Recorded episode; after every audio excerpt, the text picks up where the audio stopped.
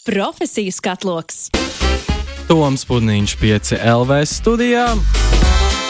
Laiks parunāt ar kādu profesijas pārstāvi, jo es esmu jaunietis un beidzot vidusskolā tā izvēle arī mums visiem būs jāizdara, kur turpmāk strādāt un lai tas būtu elementārāk. Es esmu izlēmis katru svētdienu ar kādu profesijas pārstāvu sazināties un noskaidrot, kā ir strādāt profesijā X, ko tur dara, ir labi, ir forši, ir slikti, nevajadzētu tā darīt. Šodien pēc liela pieprasījuma es esmu sazinājies ar radioproducenti un piecu rīta ēteru balsi Inesi Pučeku. Inese, čau, vai tu mani dzirdi?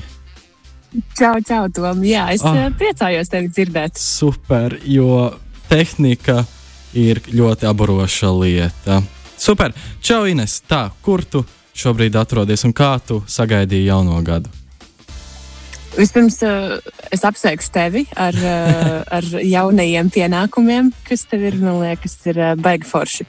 Jo es atceros vēl tevi vienā no ēnošanas pasākumiem, kad Jā, bija atnācis. jā Piec. bija, es biju Āndienā uz pieciem rītiem. Tas bija 18. gads, ja es pareizi atceros. Un uh, es tevi apsveicu, jā, iesākot šo 2021. gadu ar tik lielām pārmaiņām dzīvē. Uh, es pati šobrīd atrodos laukos, un uh, jauno gadu es tā arī sagaidīju laukos, pie dabas, mežā. Šīs dienas esmu pavadījis diezgan daudz mežā. Tu esi radio ilgi. Ir vairāk gadi. kā, kā tu nonāci līdz šejienei, kā tu tiki pie Doma laukuma astoņu caurlaides, ka tu vari šeit nākt iekšā, kad vien vēlies? Mm, es radio šķiet, ka esmu jā, jau septiņus gadus. Jā, laikam tas ir diezgan ilgi. Uh, nu, no sākuma tas ceļš līdz radio nebija nemaz tik ļoti apzināts. Es pēc vidusskolas, uh, kā jau iepriekš minēju, tad, kad ir jāizlemj, ko darīt pēc vidusskolas, es uh, nebiju domājis, ka es strādāšu radio. Man, uh, mans sapnis bija būt uh, interjeru dizainerei, bet Mm. uh, tas nepiepildījās. uh, Es sapratu, ka man ir jāizlaiž tas viens gadiņš starp vidusskolu un augstskolu un kārtīgi jāizdomā, ko es gribu iesākt ar uh, dzīvi. Un šī gada laikā sanāca visādas interesantas lietas darīt, jo es iesaistījos vienā jauniešu organizācijā. Mēs pabraukājām mazliet apkārt pa Eiropu, iesaistījos visādos jauniešu pasākumos, un pēc tam es sapratu, ka es varētu jauniešiem stāstīt un rādīt par visādām interesantām lietām un iespējām, kādas viņiem ir. Un es sapratu, ka tā viena lieta, kā es to varētu darīt, ir uh, žurnālistika. Es varētu studēt žurnālistiku un tad mēģināt, mēģināt runāt ar jauniešiem. Sanāk, tu šobrīd studē žurnālistiku? Nē, nē, nē, nē. tas bija tad, kad, tad, kad tā- es izdomāju, tā. Tātad tu esi studējis žurnālistiku. Jā, jā, jā, jā. Tad, eh, tad jau mans apzinātais solis uh, radio virzienā bija žurnālistikas studijas Rīgas Tradiņu universitātē. Un līdz rādio es nonācu pavisam uh, likumsakarīgi. Man bija jāiet arī kaut kur praksa, jāpraktizējās. Un es sāku ar Radio 101. Un uh, tālāk jau nākamajā gadā man bija prakse lielajā radio. Patriks, pat, Patriks kā reiz rakstīja man pirms neilga brīža, kā kļūt par radio balsi. Es uzreiz varu teikt, man liekas, katram tas ir tāds ļoti citādāks process, bet kāds tavuprāt ir tas, nu, vidējais aritmētiskais, kā mēs varam nokļūt līdz Latvijas radio ēteram? Es domāju, uz šo jautājumu tev vislabāk būtu jāatbild. Bet jā, es tev piekrītu. Tieši tā kā tu teici, katram tas eh, process ir eh, vieglāks vai grūtāks, ilgāks vai, vai īsāks. Bet eh, man liekas, tā, mm, tas nu, nevarētu jau it kā teikt labākais ceļš. Bet eh, normāli būtu. Jā, ka tu studē, ja, saproti visu kaut ko par, par žurnālistiku, un tad tu saproti arī, eh, kurā virzienā tu vēlēsies doties. Vai tu gribi būt raksturošais žurnālists, vai tu gribi darboties televīzijā vai radio, un tad mērķtiecīgi uz to arī doties. Nu, no paša sākuma jau nebija tā, ka mani laida pie mikrofona drive time. Uh, vispirms es uh, gatavoju dažna, dažādus sižetiņus par visādām, visādiem tematiem. Tālāk es uh, aizvietoju ziņu redaktorus uh, piektajā kanālā, piecēlvē.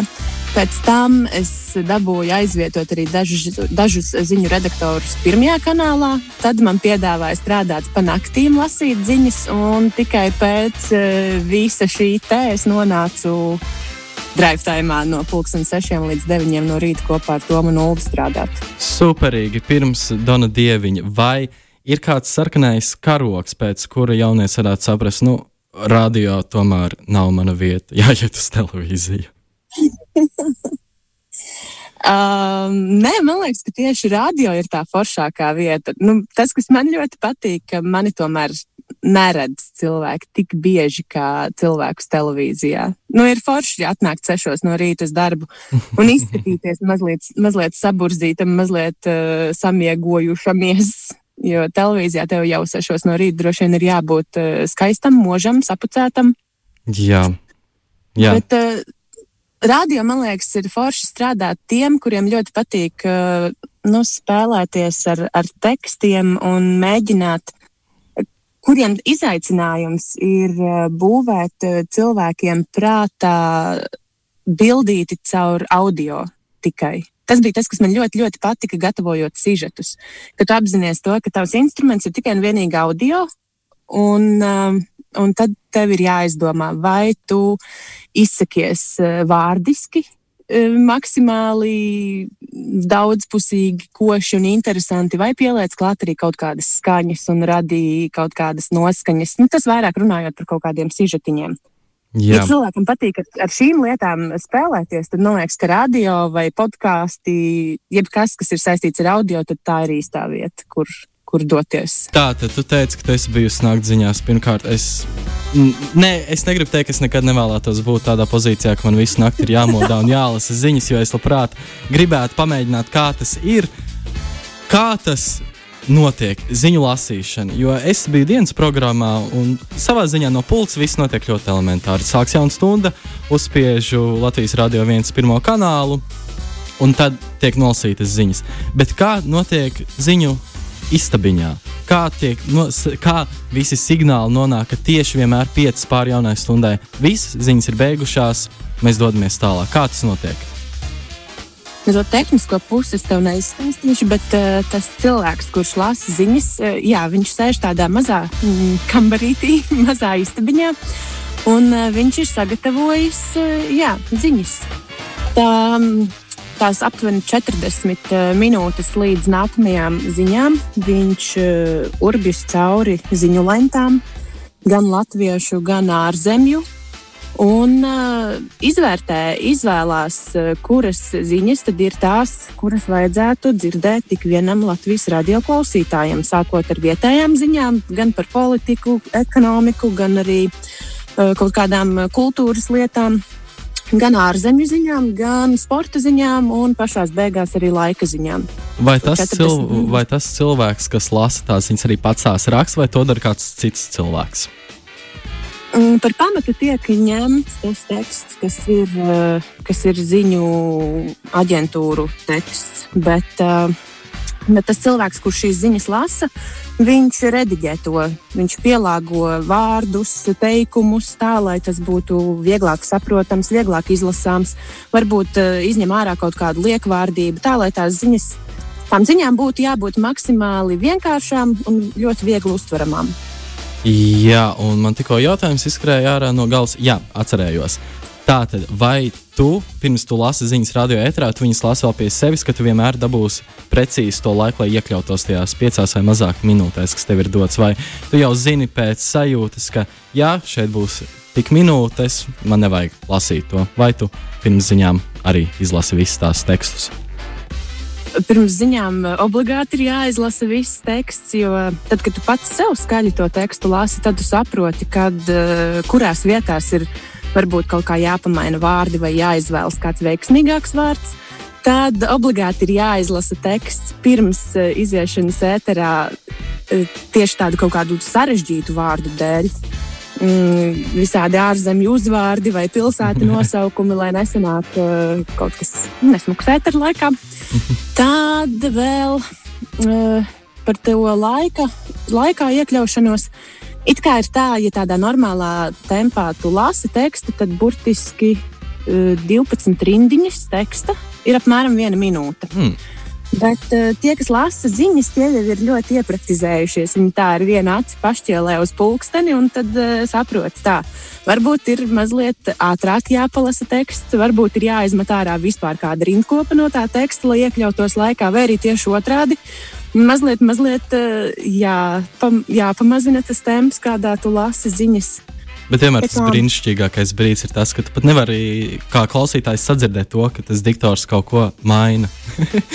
tas man Jā, vienmēr tas ir notiek, pārsteidz. tas notiek ētera laikā, mēdz tā būt. Jā, tu arī producē raidījumu pēcpusdienu Latvijas Rādio 1.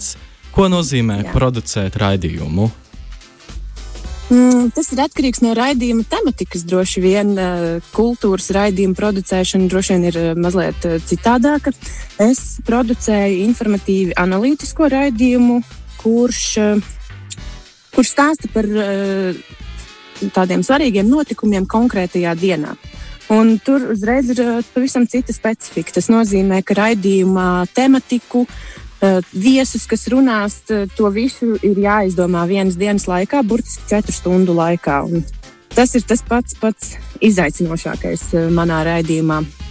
Pirmkārt, eh, izdomāt, par ko mēs runāsim. Tas ir atkarīgs, protams, no katras konkrētās dienas. Un tālāk ir jāizdomā, ar ko mēs runāsim par to konkrēto tematu. Un tie ir tavi pienākumi. Ko lūdzu? Un tie ir tavi pienākumi. Jā, man ir jā, jāizdomā, par ko būs mans raidījums un ar ko mēs runāsim šajā raidījumā. Un tad jau tur eh, seko daži dažādi izaicinājumi. Nevienmēr tie cilvēki, kurus es esmu izdomājis, kas būtu labākie eksperti manam raidījumam, paceļ telefonu, kad es viņiem zvanu.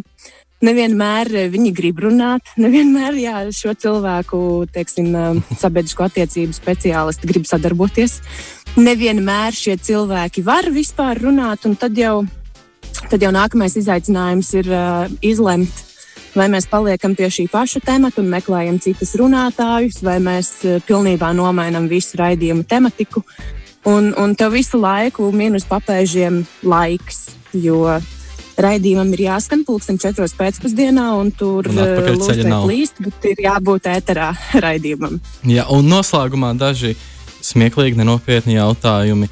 Kāds tavuprāt, varētu būt sliktākais kolēģis, kādam rakstura īpašībām tāda, nu, būtu jāpiemīt, ka nu, tas tiešām tu apmēram pie sevis nodomā, ah, atkal viņš. Wow, šis īstenībā ir uh, grūts, nevis smieklīgs jautājums. Es domāju, ka slikts kolēģis ir uh, jebkurā darba vietā. Slikts kolēģis ir cilvēks, kurš negrib un nevar sastrādāties komandā. Un kāda ir frāze, kuru tu izdzirdot, saprast, nu, nu būs jautri. Nu, būs jautri radio. Mm, mums ar Tomu un Ulu, man liekas, parasti tā frāze ir tāda apmēram, nu, klau, kā man gāja brīvdienās. Un tad mēs mēdzam izstāstīt kaut kādus dīvainus, jocīgus atgadījumus, kas ar mums ir notikuši brīvdienās. Super. Paldies, Ines, ka tu pievienojies. Man te sveiciens no Tumja. Viņš ir atrakstījis SMS. Paldies! Jā, paldies, paldies ka pievienojies no meža. Labi, tad tiekamies kaut kad, kad ierobežojumi to atļaus. Ak, jā, pareizi ierobežojumi. Profesijas katloks.